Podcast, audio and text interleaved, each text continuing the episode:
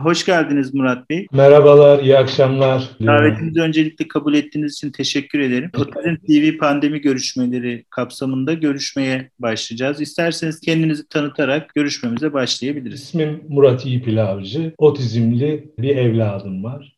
4,5 yaşında. E, ismi Ali Hakan. 2 yaşında biz Ali Hakan'ın ilk tanısını aldık. O günden bugüne e, otizmle birlikte yaşıyoruz. Ee, elektrik mühendisiyim, 45 yaşındayım. Yalnız bir babayım. Kendi annem bize yol göstermek adına, o da 75 yaşında ee, ve tabii bakıcılarla yürütmeye çalışıyorum. Ee, kendim şu an Ankara'dayım. Elektrik Endüstrisi fabrikasında genel müdür yardımcısı pozisyonunda. Ankara'da da yeniyiz. Yani iki sene dolmadı. Daha önce İstanbul, kısa bir dönem İzmir'de bulunduk. Otizmle yaşıyoruz. Artık otizm bizim de bir parçamız. Sonra tanı süreci nasıl oldu? Biraz ondan bahsedebiliriz. Hakan'ın bir de kardeşi var onu söylemeyi unuttum. Ee, Hakan 4,5 yaşında bir de ufak e, kardeşi var. O üç buçuk yaşında. Onun ismi de Metehan. Ee, tabii Metehan nörotipik bir çocuk. Normal gelişim sergiliyor. Ben bu anlamda iki çocuğun gelişimlerini de kıyaslı olarak görebiliyorum. Şöyle başlayayım. Hakan'da otizme eşlik eden bir takım sağlık problemleri de var. Hakan'ın gelişimi hakikaten problemli. Hakan herhangi bir bebeğin oturması, başını dik tutması gibi gelişim fonksiyonlarında geri kalmıştı. İlk bu bunu 8. 9. ayda farkına vardık ve ne yaptık? Bir İstanbul'dayız o dönem. Nöroloji doktoruna gitmemiz bizim pediatri doktorumuz tarafından tavsiye edildi.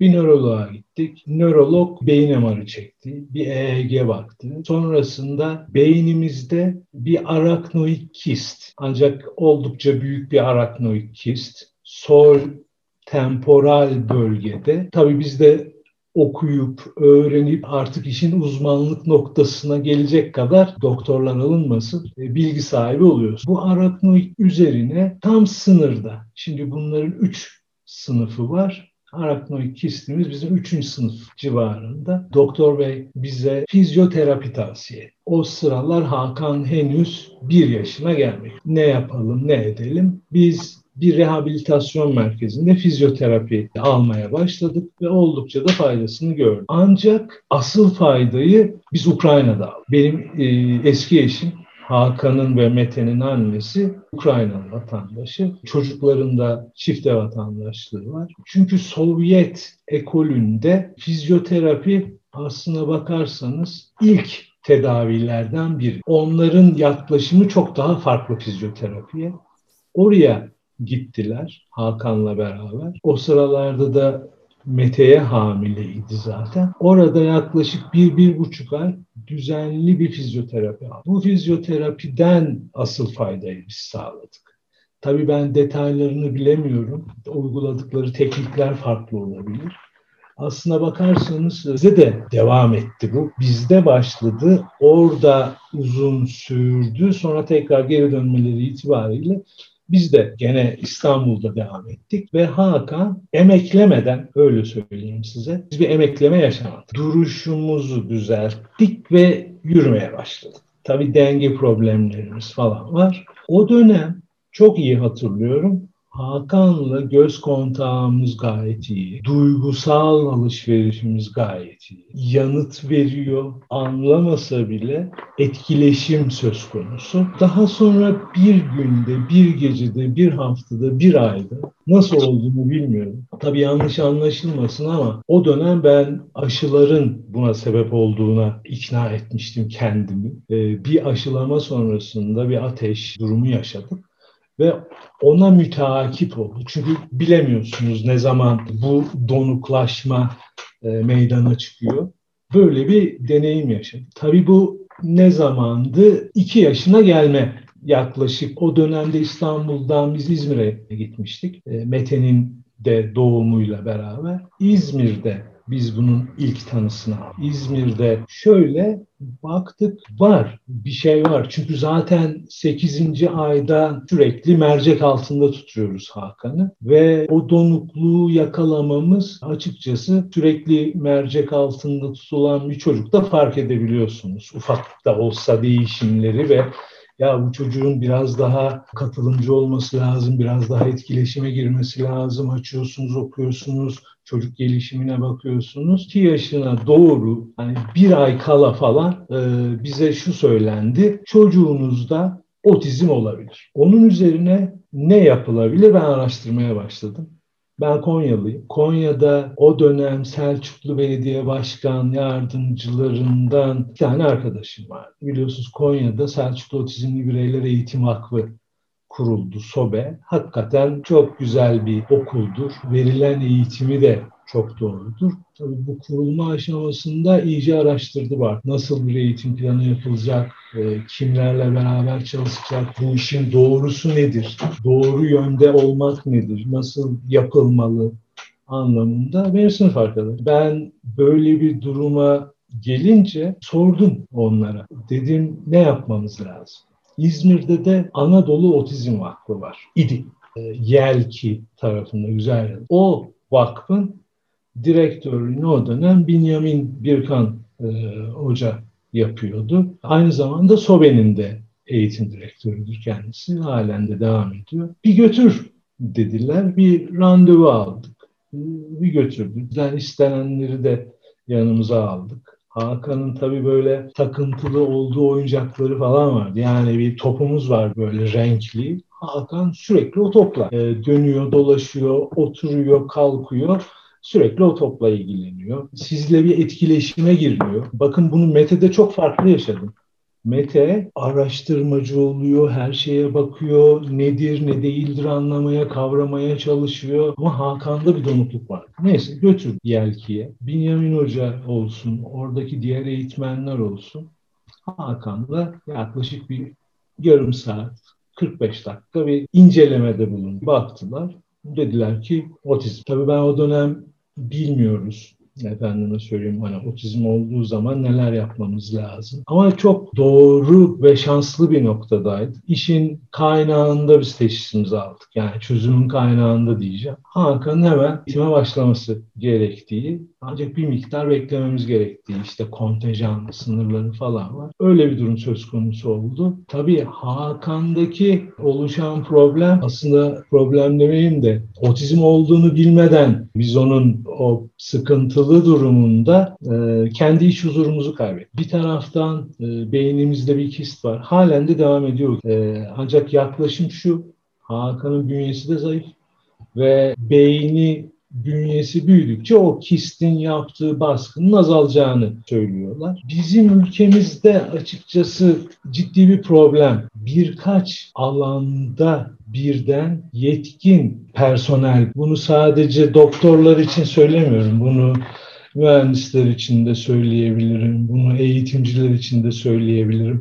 Multidisipliner e, insan bizde fazla çık e, e, nasıl çıksın? Yani işin özü adam neden farklı alanlarda gelişme ihtiyacı duysun? Çünkü onu e, teşvik edecek bir sistem diyor. Ancak ben yabancı forumlarda okuyorum. Bu araknoid kistlerin özellikle sol temporal bölge olması beni çok tetikledi. Çünkü beynin konuşmayı ve algıyı kontrol eden bölümleri o noktada. Ancak bize olan yaklaşım şu, bu sadece bir doktorda değil, ben kalbur üstü bilinen epey bir nöroloji, nörolog ve beyin cerrahıyla da görüştüm. Genel kanun şu, bekleyelim her senede bir, başlarda 6 ayda birdi. Şimdi her senede bir bir tekrar bir beyin MR'ı çekelim duruma bir bakalım şeklinde. Bunu tabii devam ettiriyoruz. En son tekrar e, yaklaşık bir ay evvel çektirdik. Tabii bu bir de sedatif olmak durumunda ilaçlı,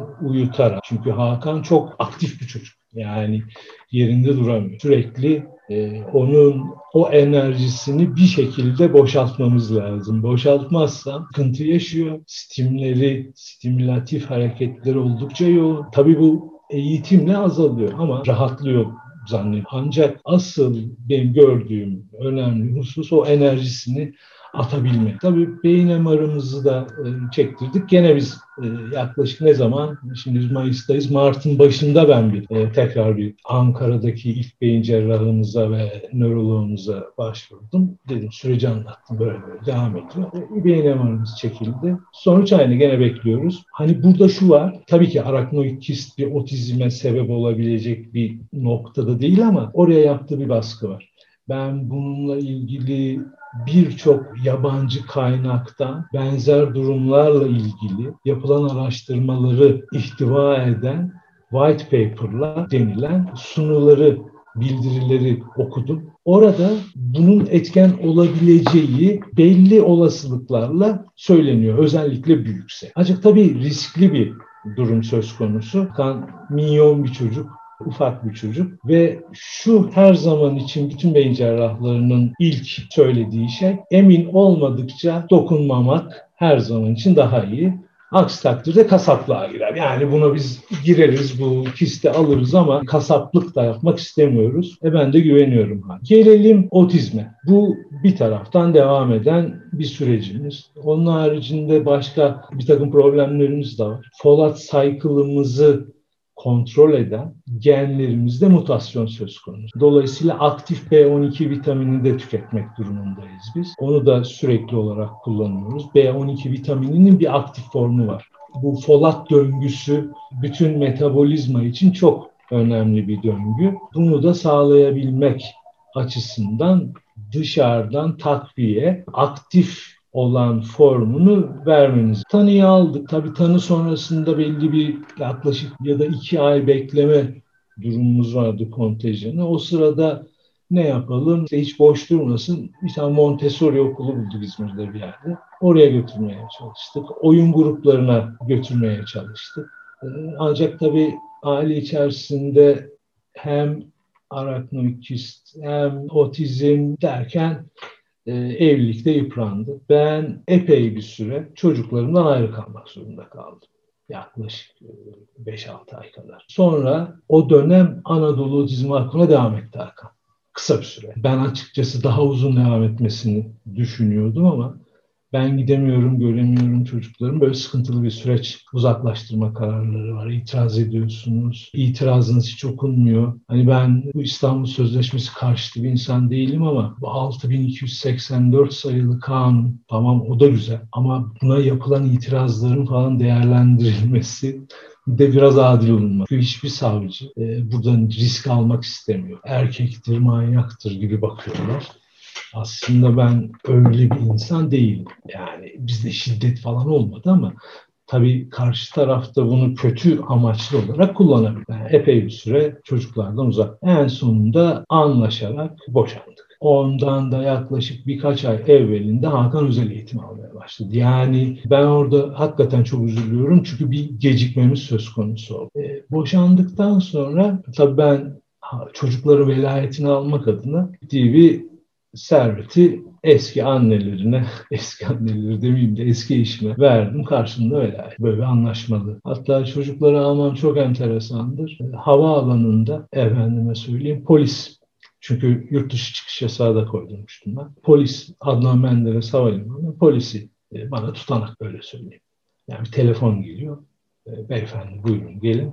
Karar kesinleşmiş. Anneleri onu çocukları kaçırmak üzereydi aslında velayeti de bana bırakmış. Sonrasında tabii insanın ruh hali bozuluyor. Ben kendi alanımda iyi bilinen, tecrübeli bir profesyonelim. Ne yapayım? Dedim ana evine dönelim. Aldım çocukları Konya'ya gittim. Konya'da tabii şeyimiz yok. Yani heyet raporumuz yok. Çocukların aşıları yapılmamış. E, eksikleri var. Heyet raporunu çıkart. REM raporunu çıkarttım. Çocukların diğer sağlık problemlerine odaklandım ve Sobe'ye başladı. Sobe'de çok çok güzel bir eğitim aldım. Halen de aklımın bir ucunda acaba hiç oradan ayrılmasa mıydım gibi bir soru işareti var. Ancak öyle de bir e, masraflı ki bu özel eğitim, bu çocukların ihtiyaçları ben de çalışmak zorundayım. Konya'da yaklaşık 8 ay kadar kaldık. Sonrasında da işte bu Haziran'da 2 sene olacak. Ankara'dan bana bir teklif geldi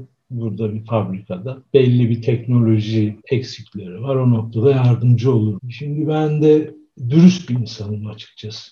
Yani uzaktan yapılabilecek bir iş değil. Başında durmanız gereken bir iş. Dedim bir bakayım. Ankara'da bir araştırayım.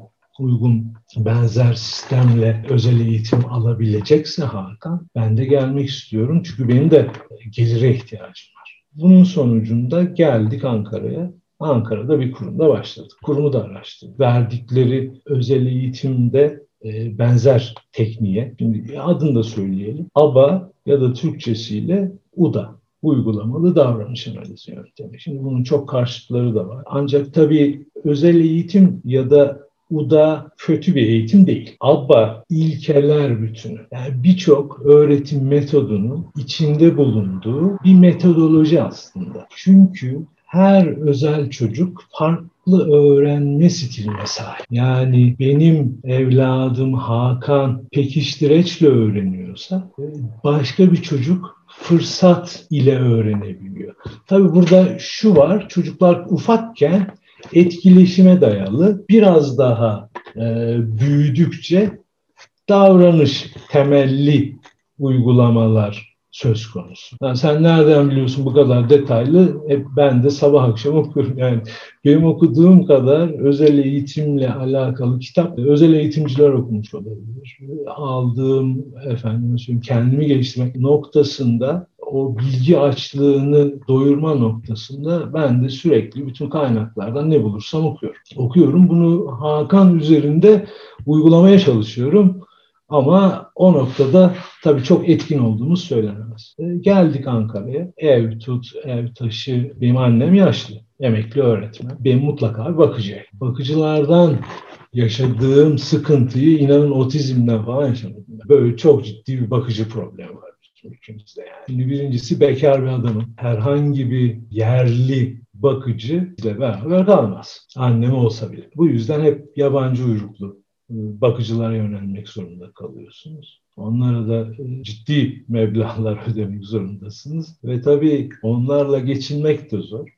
Şimdi iki çocuk olduğu zaman o, o dönemler küçük küçüktüler. Hakikaten problem çoktu yani. Hakan'da uyku problemleri vardı, yeme problemleri vardı. Şimdi çok azaldı. Şimdi çok çok azaldı. Çok rahat. O dönem ama bir şekilde atlat. Tabii bakıcılar güzel bir etkileşim eğitimine başladık ve bunu davranış temelli eğitime de geçirdik yaklaşık e, bir sene sonunda gayet güzel giderken 2.1'den cereyan etti. Birincisi e, pandemi çıktı. Pandemi hakikaten bizi çok kötü etkiledi. İkincisi devam etmiş olduğumuz güzel kurumun direktörü ayrıldı.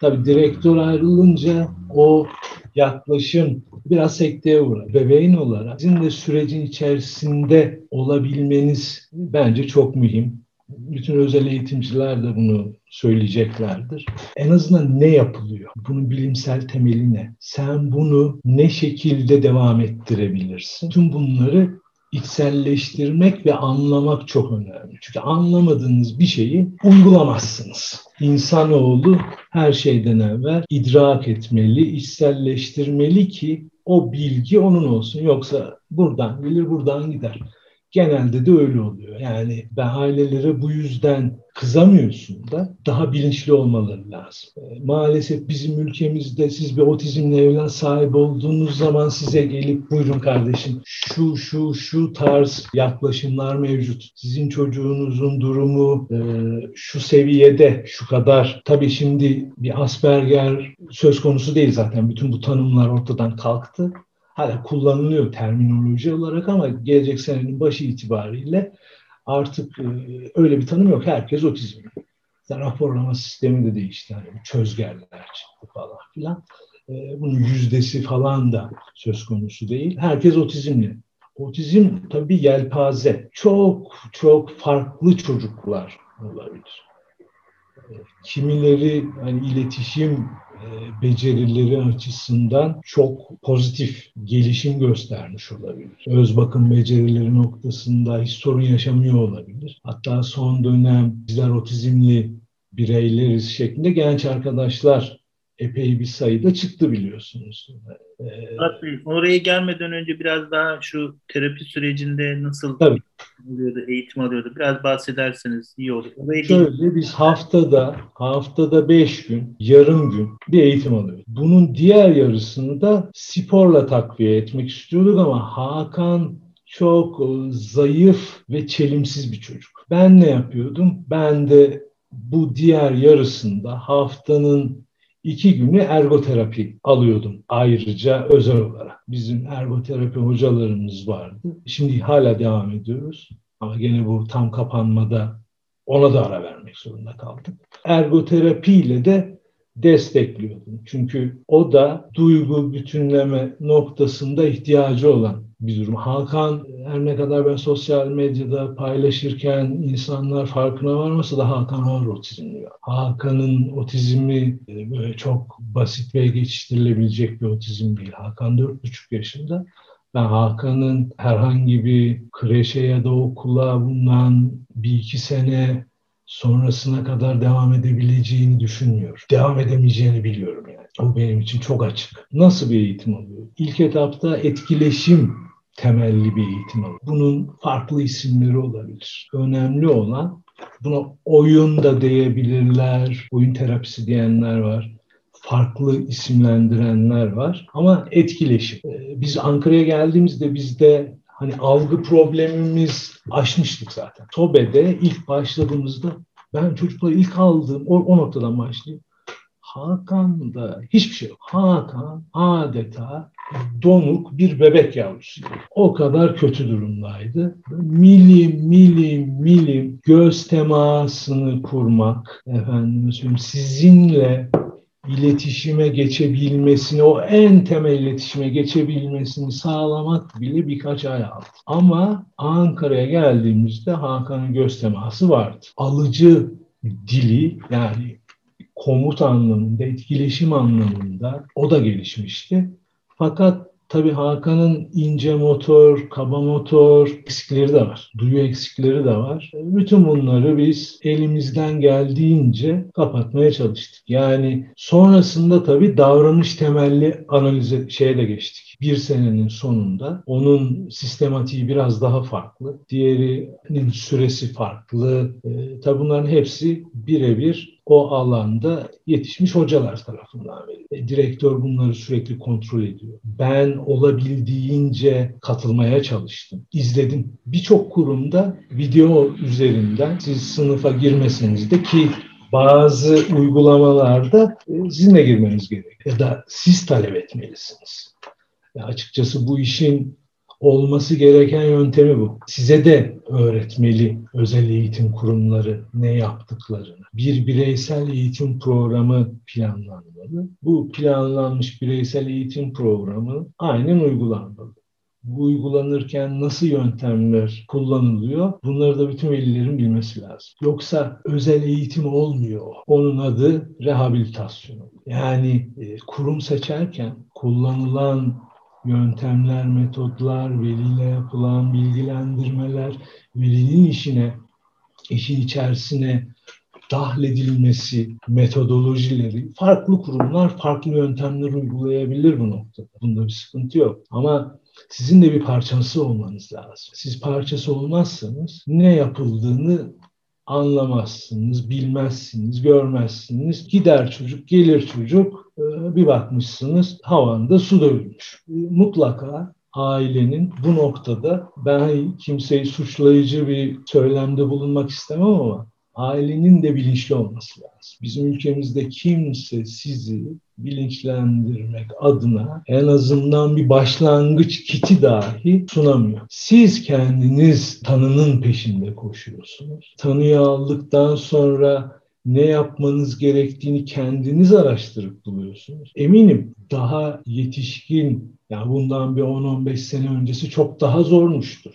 Bu anlamda tabii gitgide kolaylaşıyor ama bunun burada devletin yaptığı bir şey yok. Burada kurumların, bakanlıkların yaptığı hiçbir şey yok. Burada gene insanlar kendileri yapıyorlar. Sosyal medya üzerinden iletişime geçerek, etkileşime geçerek, özel eğitim hocalarıyla görüşerek. Hani bir 10-12 sene öncesi çok daha kötüydü doğrudur.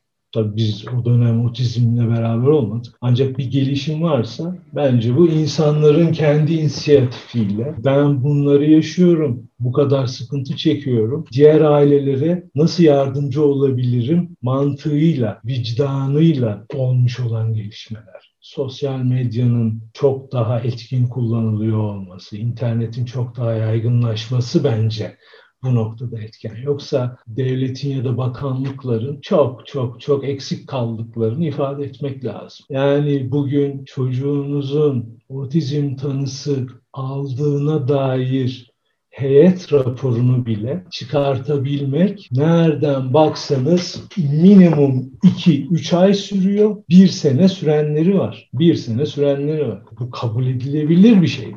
Yani insanın aklına, mantığına, uyan bir şey değil. Nasıl olabilir böyle bir şey? Ve randevu alamıyorsunuz. Efendime söyleyeyim poliklinik, poliklinik gezmek zorundasınız. Her poliklinik için ayrı randevu almak zorundasınız. Tabii istismar edilmiş. Nedir?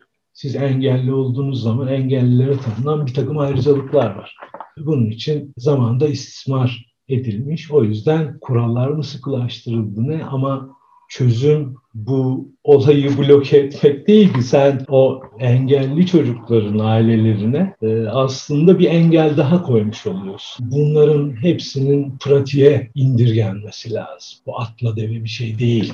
Niyet oldukça niyet olursa bunların hepsini yapılabileceğine ben inanıyorum aslında kolayca halledilebilecek şeyler. Daha sonra biz bir kurum değiştirdik. Onda yakın geçmişte e, bahsettiğim gibi o metodolojiden ve uygulamadan bir takım sapmalar olunca şimdiki kurumumuza geldik.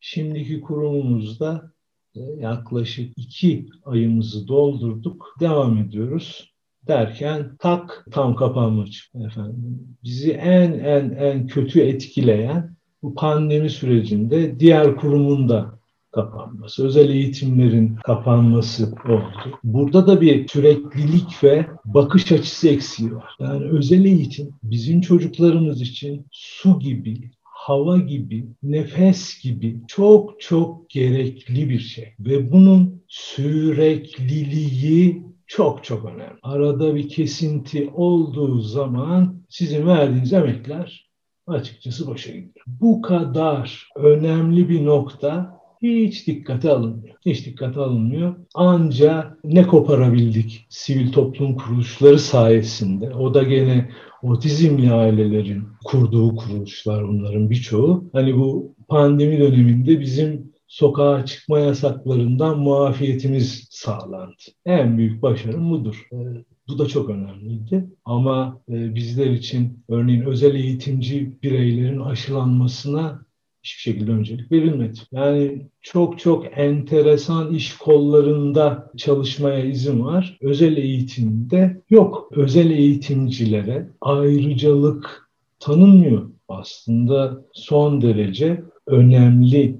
Çünkü neden? Bu çocukları biz eğitimle kazanabiliriz. Eğer bunu vermezsek hepimiz görüyoruz. Yani hücre arkasına tıkılan ağır otizmler için söylüyorum efendim zincirlenen çocuklar bakım merkezi de yok. İşte bir tane bakım merkezi var yani İstanbul'da Pendik'te. Onunla da ilgili arada sırada haberler çıkıyor. Yani aslında bizler e, yok sayılan bir kesimiz.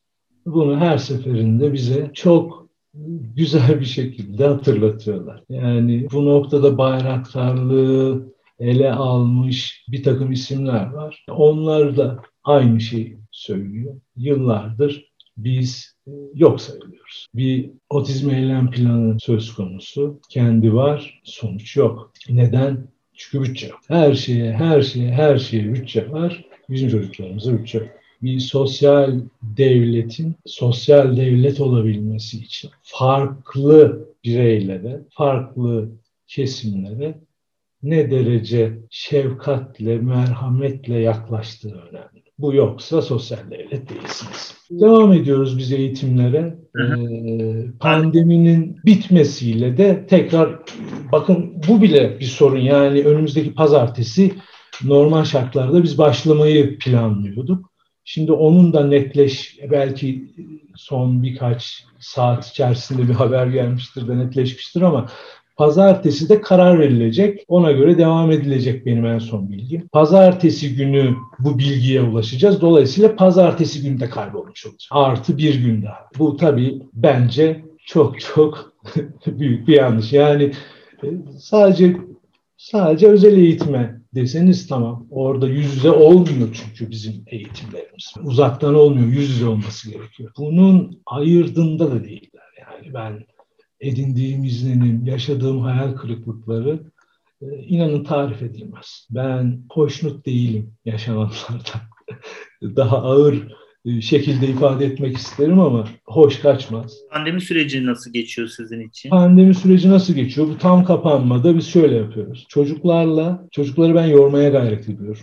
Enerjilerini atsınlar. Metehan'ı da Hakan'ı da alıyorum çıkıyoruz. Ankara'daki parkları böyle gezmeye başladık. Parklardan en büyükleri, en güzelleri Ahlatlıbel'de bir park var. Gölbaşı'nda bir park var. Gölbaşı'nda iki park var. Bir tanesi Mogan tarafında, bir tanesi de Gölbaşı Şehir Parkı dedikleri bir park. Oraya gidiyoruz. Eymire gideceğim. Gidemiyorum, yolu kapatmışlar.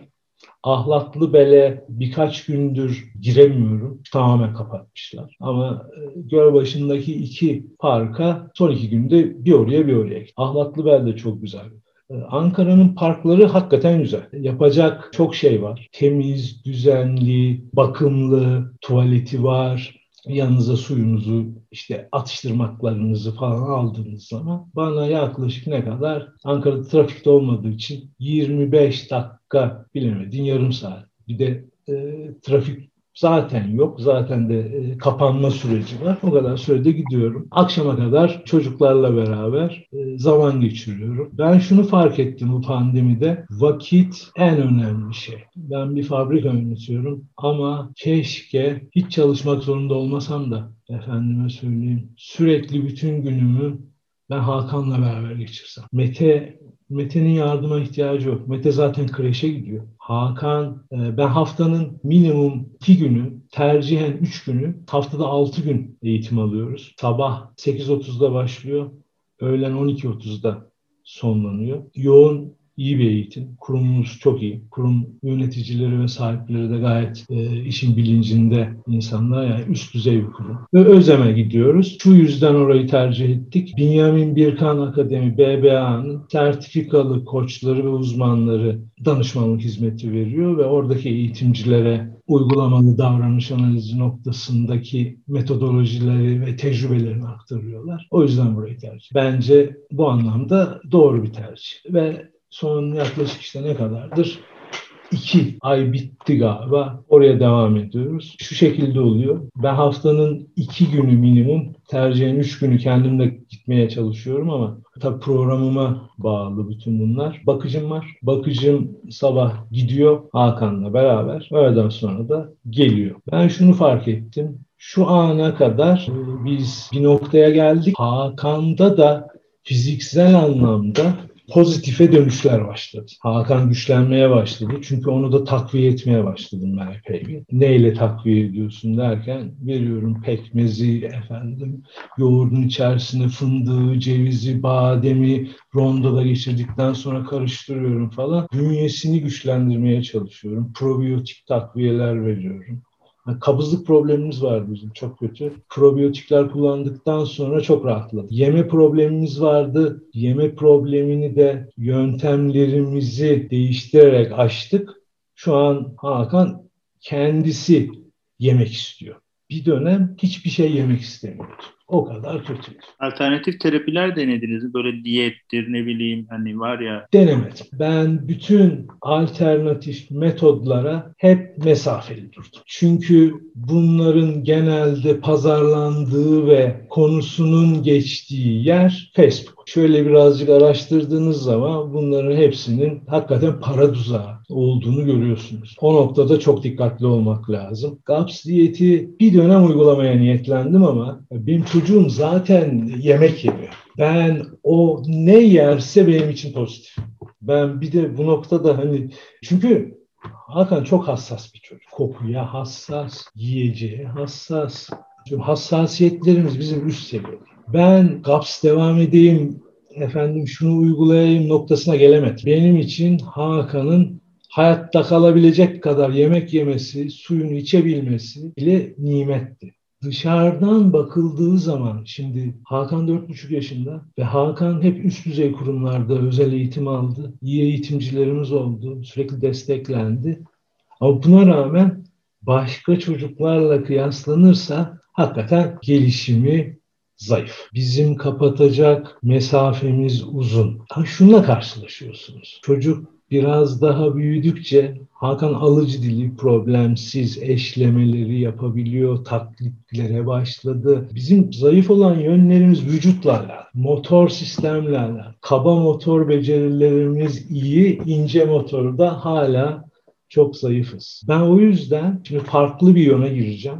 Onu da konuştum zaten hocalarla. Hakan yarım gün devam ediyor. Diğer yarım günde de bir yaşam koçu bulduk, anlaştım. Yaşam koçumuz bize şu noktada yardımcı olacak. Bu konuda tecrübeli bir hanımefendiyle inşallah önümüzdeki hafta devam etmeye başlayacağız. Sabah gelecek kurumda Hakan'la beraber. Öğleden sonra da evde bir bölüm ayarladık Hakan'a. Kurumla koordineli olarak orada gördüğü uygulamaları Hakan'la sürdürecek ve günün belli bir noktasında da dışarıda, parkta ya da evin içerisinde egzersiz, spor, jimnastik yapacak. Öz bakım becerileri noktasında en fazla ihtiyacımız var. Hakan hala bez kullanan bir çocuk. Ben geçen sene çok uğraştım. Şimdi tekrar başlayacağım tuvalet eğitimine. Geçen sene yüzdük, yüzdük, yüzdük kuyruğuna geldik. O noktada bakıcımız bizi terk etti gitti. Yani aniden yani bakıcı terörü yaşıyoruz ülkede açıkçası. Çünkü bu, bu noktada da her şey kontrol altında değil. Bakıcıları organize eden belli gruplar var. Efendim söyleyeyim hiçbir şey yasal değil. Buradan da ihbarda bulmuş oluyorum aslında bakarsanız kendimi. Çünkü ben iki tane bireyin e, sorumluluğunu almış. Bana yetkin bir bakıcı lazım. Ben erkeğim. Ben bakıyorum ya keşke ben çalışmak zorunda olmasam da keşke ben 24 saatimi bu çocuklarla beraber geçirsem. Onların o kakasının kokusu bana mis geliyor. Yani ben bu noktada çok samimiyim. Ben bunu yaparım. Ama görüyoruz genelde büyük çoğunluk anneler. O annelerin yaşadıkları zorluk. Annelerin oluşturduğu bir topluluk var Türkiye'de.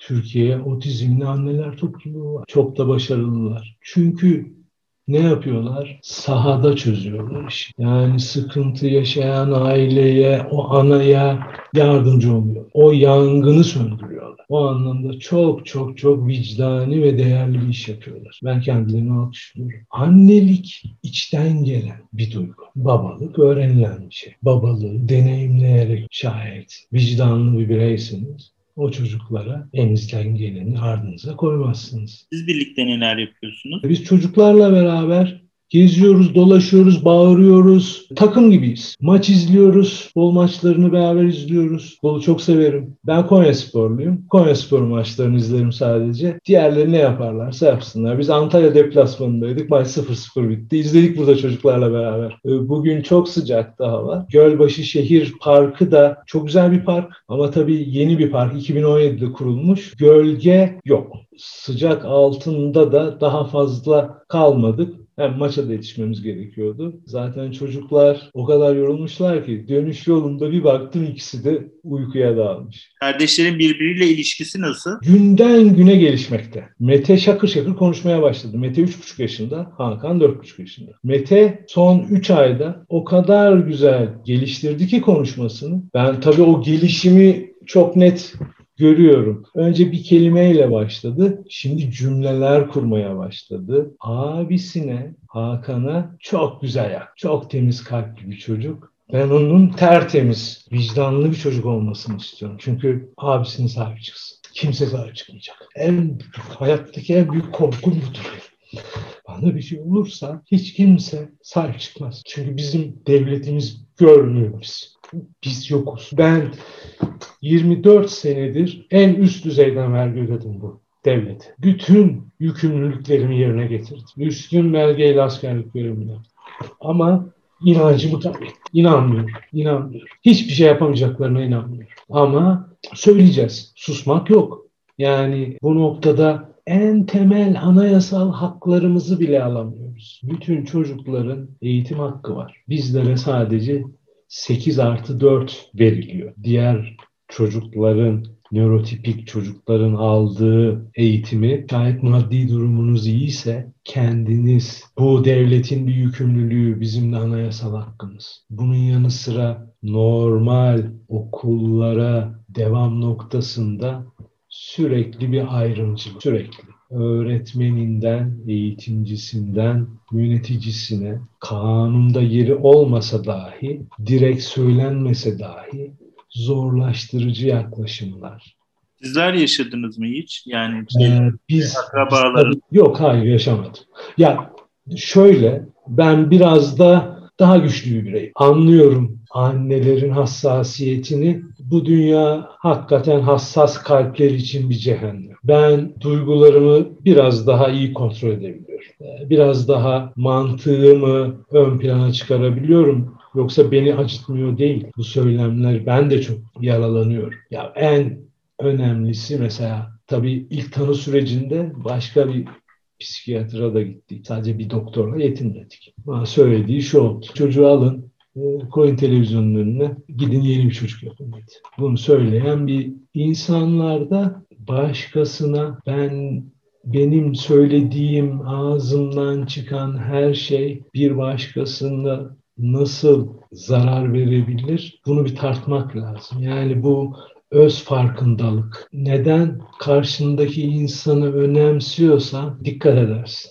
Önemsendir. Toplumumuzda bu hakikaten büyük bir eksik. Biz kendimizi misafirperver, anlayışlı, bir toplum olarak adlandırıyoruz ama e, laf da böyle. Aslına bakarsanız iki yüzlülüğün master'ını yapmış bir toplum bizim toplumumuz. Burada da herkesin samimi olması lazım. Mamış olmadığımız e, maskelerle yaşıyoruz. Olmadığımız gibi gösteriyoruz kendimiz. Bu bence apaçık bir gerçek. Ankara'daki diğer ailelerle belli bir komüniteler oluşturabildiniz mi? Yani birlikte evet. neler yapıyorsunuz? Biraz ondan bahsedebiliriz. E, açıkçası çok fazla bir şey yapamıyoruz. Yani dernek kuruldu çünkü. Evet. Aha. E, Gökçen Hanımları biliyorum. Efendim Yasemin Hanımları biliyorum. Dernekte de aktif rol alma niyetim ve gayretim var. Üye olalım. Şu tam kapanma bir bitsin. Planladığım benim de eğer uygun görürlerse dernek yöneticileri bir takım çalışmalar var. Çalışma yani taş üstüne taş koysanız e, bu toplum için faydalı olabilecek bir herhangi bir çalışmaya bile kim ne yaparsa yapsın taş üstüne taş koyanın başımın üstüne yeri var. Ben o gözle bakıyorum. Soran, sosyal medyada yardım isteyen kişilere de bilgi birikimi anlamında tecrübeleri her daim aktarmaya gayret ediyorum. Babaların durumunu nasıl görüyorsunuz bu konuda? Hani genellikle anneler var dediniz ya. Babalarla ilgili var. Ne gözlemliyorsunuz? Bir takım sorumlu babalar var. Tabii azınlığız. Yani babalık e, tabii biraz daha farklı bir olgu. Annelik doğal bir durum, babalık öğrenilen bir durum. Ben takdir ediyorum hem cinslerimi. Yani her şeyden evvel düzgün insanlar olduklarına inanıyorum. Çok kolaydır. Yani bir erkek için eğer yeterince doğru anlamda eril değilseniz. Çünkü eril olabilmek sorumluluk alabilmeyi gerektirir kendinizi tanımış olmayı gerektirir. Siz nesiniz? Hangi düşünceleriniz sizi şekillendiriyor? Kişilikleriniz ne şekilde gelişiyor? Siz bir maske mi takıyorsunuz? Siz bir klişe misiniz? Yoksa siz kendiniz misiniz? Ben bu anlamda otizmli evlat sahibi ve evlatlarının sorumluluğunu almış babaların gerçek eril bireyler olduklarını, kendilerini bilen, duygularını kontrol edebilen, kişilik değişimlerini olması gerektiği gibi başarabilmiş ve farkındalıkları yüksek taş gibi adamlar olarak görüyorum, takdir ediyorum hepsini. Tanı alan velilere, e, ebeveynlere yönelik ilk hani siz bir... Tuzaklara kapılmasınlar bu tecrübeyle başta olsaydınız ne yapardınız? Bu tecrübeyle başta olsaydım yapmak istediklerim tabii farklı olabilir ama yapabilir miydim bilemiyorum. Çocuklarımla çok çok daha fazla vakit geçirirdim. Çünkü epey bir zamanda bu tecrübeyi edinebilmek adına okudum, okudum, araştırdım. Sosyal medyada baktım. Sadece bakmak da yetmiyor. Yani bilgi bir yığın halinde. Bunun hangisi işinize yarayan bilgi, hangisi çöp bilgi bunun da ayırdına varmak lazım. Ve şundan bir kere emin olsunlar. Mucize bir yöntem yok. Otizmin bir tedavisi yok çünkü otizm bir hastalık değil. Otizm bir farklılık. Nöro gelişimsel farklılık. Bizim çocuklarımız tertemiz çocuk. Altın gibi bir kalpleri var. Bir otizmli çocuk o kadar temiz kalpli ki şayet sizinle beraberse hiçbir negatif hiçbir şeyleri yok. Kontrol edemedikleri davranışları var. E, onlara da sizin tolerans göstermeniz lazım. Onlara yardımcı olmanız lazım. Onları anlayabilmeniz lazım. Neden davranış bozuklukları oluşuyor? Çünkü kendini ifade edemiyor. O ifade edebilmesinin önündeki engelleri etkileşimle, oyunla, egzersizle, onunla daha çok vakit geçirerek çözebiliyorsunuz. Bu pandemi döneminde çok vakit geçiriyorum ve çocuklar o kadar mutlu ki, o kadar mutlular ki beni özlüyor bunlar. Ben yanlarında değilken onu da farklı çözmeye çalışıyorum. Yani onlarla beraber olduğum kısa zamanın kalitesini arttırmaya odakladım kendimi onu yapacağım. Yaşam koçumuz da e, geldiği zaman zaten Hakan'la daha yoğun ilgilenecek. Umarım iyi olacak. Ben her şeyden önce şuna inanıyorum. Siz ebeveyn olarak sizin güçlü olmanız lazım. Sizin o tek birliğinizi zihinsel olarak dimdik olabilmeyi kendinizde ilk önce yapmak zorundasınız. Çünkü otizm her şeyden önce bir sevgi istiyor İki, sizin de iyi olmanız. Siz iyi olmazsanız, siz kendinizi sevmezseniz, siz zihin, beden, anlayış açısından iyi değilseniz çocuğunuza hiçbir şey veremezsiniz. Siz iyi olacaksınız, siz pozitif olacaksınız. Siz pozitifi yansıtmaya çalışacaksınız. Nerede? Dışarıya karşı. Kendi negatifini bu demek değil ki polyanla ol. Efendime söyleyeyim. Biz de görüyoruz her yerde acınası durumlar, insanın yüreğini kanatan durumlar her gün yaşanıyor. Ama bunu ben içimde tutuyorum. Ben o acıyı çekerim. Ama ben bu acıyı başkalarına yansıtamam. Özellikle benim evlatlarıma hiçbir şekilde acı yansıtamam. O zaman onu ben kendi problemim kabul edeceğim. Onu alacağım, evireceğim, çevireceğim. Her türlü dış dünyaya pozitif bakacağım. Buna dignity deniyor. Benim bakış açım bu. Ben bunu ne zaman fark ettim? Ben çok zor süreç yaşadım. Boşanma süreci, çocukları havaalanından almam, Konya'ya gitmem, ben ne yapacağım bilmediğim. Efendim? Annesiyle görüyorlar mı bu arada? Annesi istediği sürece sorun değil. Gösteriyorum. Bu şekilde görüşmeler söz konusu. Ama anneleri bir kere bile zahmet edip gelip görmedi. Yani e, çok zor değil aslına bakarsanız. Yani şehirler arası uçmak gibi. Param yok diyor. Aslına bakarsanız olması lazım. Yani atla deve ücretler değil uçak biletleri. Yaklaşık iki sene geçti geçiyor. Yani sayılıdır görüntülü görüşmeleri falan. Ben kısıtlayıcı bir insan değilim. Ben benim vicdanım var. Yani bize ne yapmış olursa olsun sonuçta bir annedir. Ben kendisini sevmiyorum. Bize yaptıklarından dolayı affetmeyeceğim ama haklıdır. Yani görmek istediği zaman da görebilir, gelir, görür. Ama görmedi. Zaten görebilecek bir insan olsa bırak. Tamam. Buralar biraz sanırım özel konularınız. Tamam. Çok girmeyelim. Açmak istemem. Demeyelim. Bence de, bence de. Hiç gereği yok. Yani ben çözdüm bütün bunları içer içimde. Çok rahatım. E, ben du- rahat olmazsam çocuklarım rahat olur. Duygu yüklü konular olduğu için hani Evet, doğru. Doğru. Biraz... Benzer benzer şeyleri hanımefendiler de yaşıyor. Ee, çocukların babaları bırakıp gidiyor. Tanıyor, alıyorlar. Aradan birkaç ay geçiyor, geçmiyor hemen kaçış. Hoş değil bunlar. Yani bizler hepimiz sorumlu bireyleriz. Aksi takdirde hayatın bir anlamı yok. Toparlayalım isterseniz. Tamam. Peki bu Türkiye'deki işte sosyal medyada otizmle ilgili neler görüyorsunuz, neler düşünüyorsunuz? Genel olarak bir Türkiye'deki otizmin durumuna ilişkin, sosyal medyadaki durumuna ilişkin Görüşlerinizi burada açıklayabilirsiniz. Öyle söyleyeyim.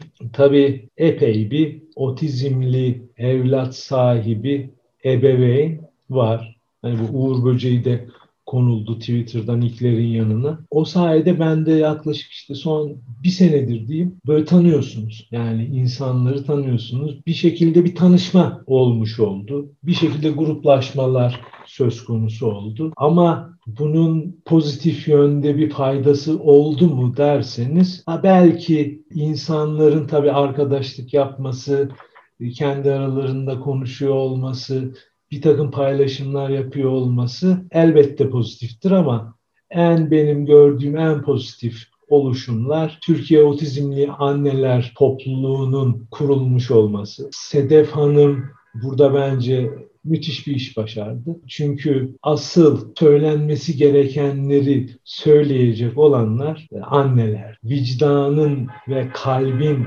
sesini anneler temsil eder.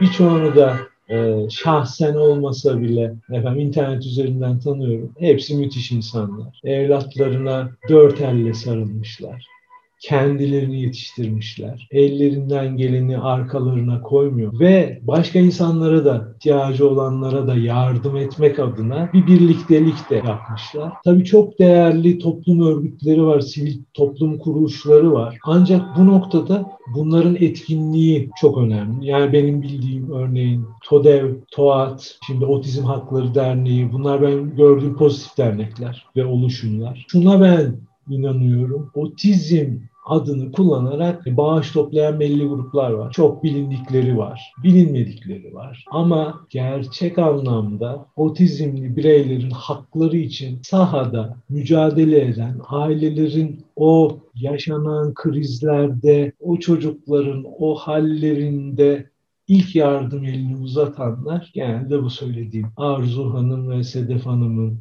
başkanlıklarını, liderliklerini yaptıkları oluşumlar, sivil toplum kuruluşları olarak görüyorum ben. Çünkü birçok asıl problemi yaşayan anneye, babaya e, direkt yardımcı oluyorlar. Bunların yani ben şu mantaliteye inanırım. Problem yerinde çözülür. Siz bunları ayrıntı olarak göremezsiniz. Tepelerde, meclislerde, kulislerde efendim düzenlemelerin, yasal planlamaların peşinden elbette koşulması lazım ama asıl hayat içerisinde, saha içerisinde yaşananları göz ardı ederseniz siz aslında çok da bir şey yapmıyorsunuz demek. O anlamda ben yaraya merhamı olabilen bu inisiyatif ve bu, bu grupları hakikaten alkışlıyorum, takdir ediyorum. Onları çok beğeniyorum.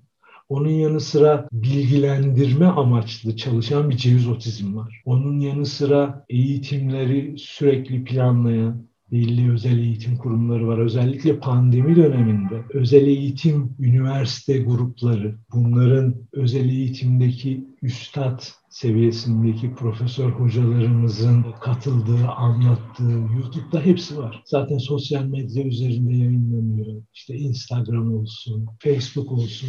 Bütün bu yayınlar var. Yani burada hangi eğitim metotları kullanılabilir, hangisinin etkinliği nedir, ne değildir, nelere dikkat edilmesi lazım. İnsanlar sadece bunları izlese inanın çok iyi bir birikime e, ve seviyeye gelirler, aydınlanırlar. E, bunların hepsi pozitif şey. Ancak negatif şeyler de var. negatif şeyler de var.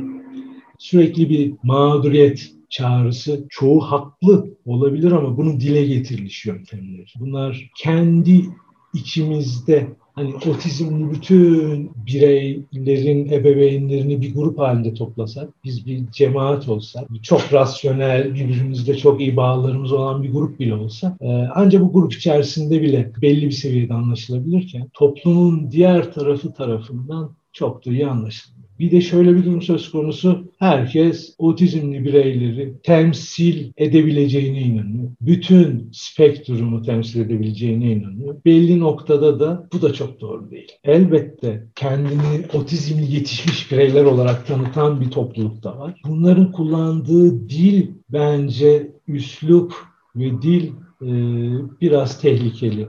Çünkü biraz saldırgan e, izlenim bırakıyor. Saldırgandır demiyor. O anlamda da ben hepsini çok seviyorum. Hepsinden öğrenecek bir şeylerimiz olduğunu düşünüyorum. Fakat bu arkadaşlar tabii öz bakım becerileri olsun, bilinç olsun, konuşma olsun, bilişsel beceriler olsun pek gelişmişler yani. Ben kurumlarda çok daha yaşlı, yaşlı diyeyim artık yani 30-32 yaşında bireyler gördüm öz bakım becerileri olmayan. Otizm sadece orası değil bir de diğer tarafı da var eğer yeterince eğitim alınmazsa bu çocukları, bu bireyleri efendime söyleyeyim iyi şekilde yaklaşım gösterilmezse daha alt düzey bireyler de var. Böyle de bir gerçek. Oldukça olgun ama öz bakım becerisi yok, konuşması yok, hiçbir şey olmayan bireyler, sürekli bakıma muhtaç bireyler var. Bunları gör, görebilirsiniz.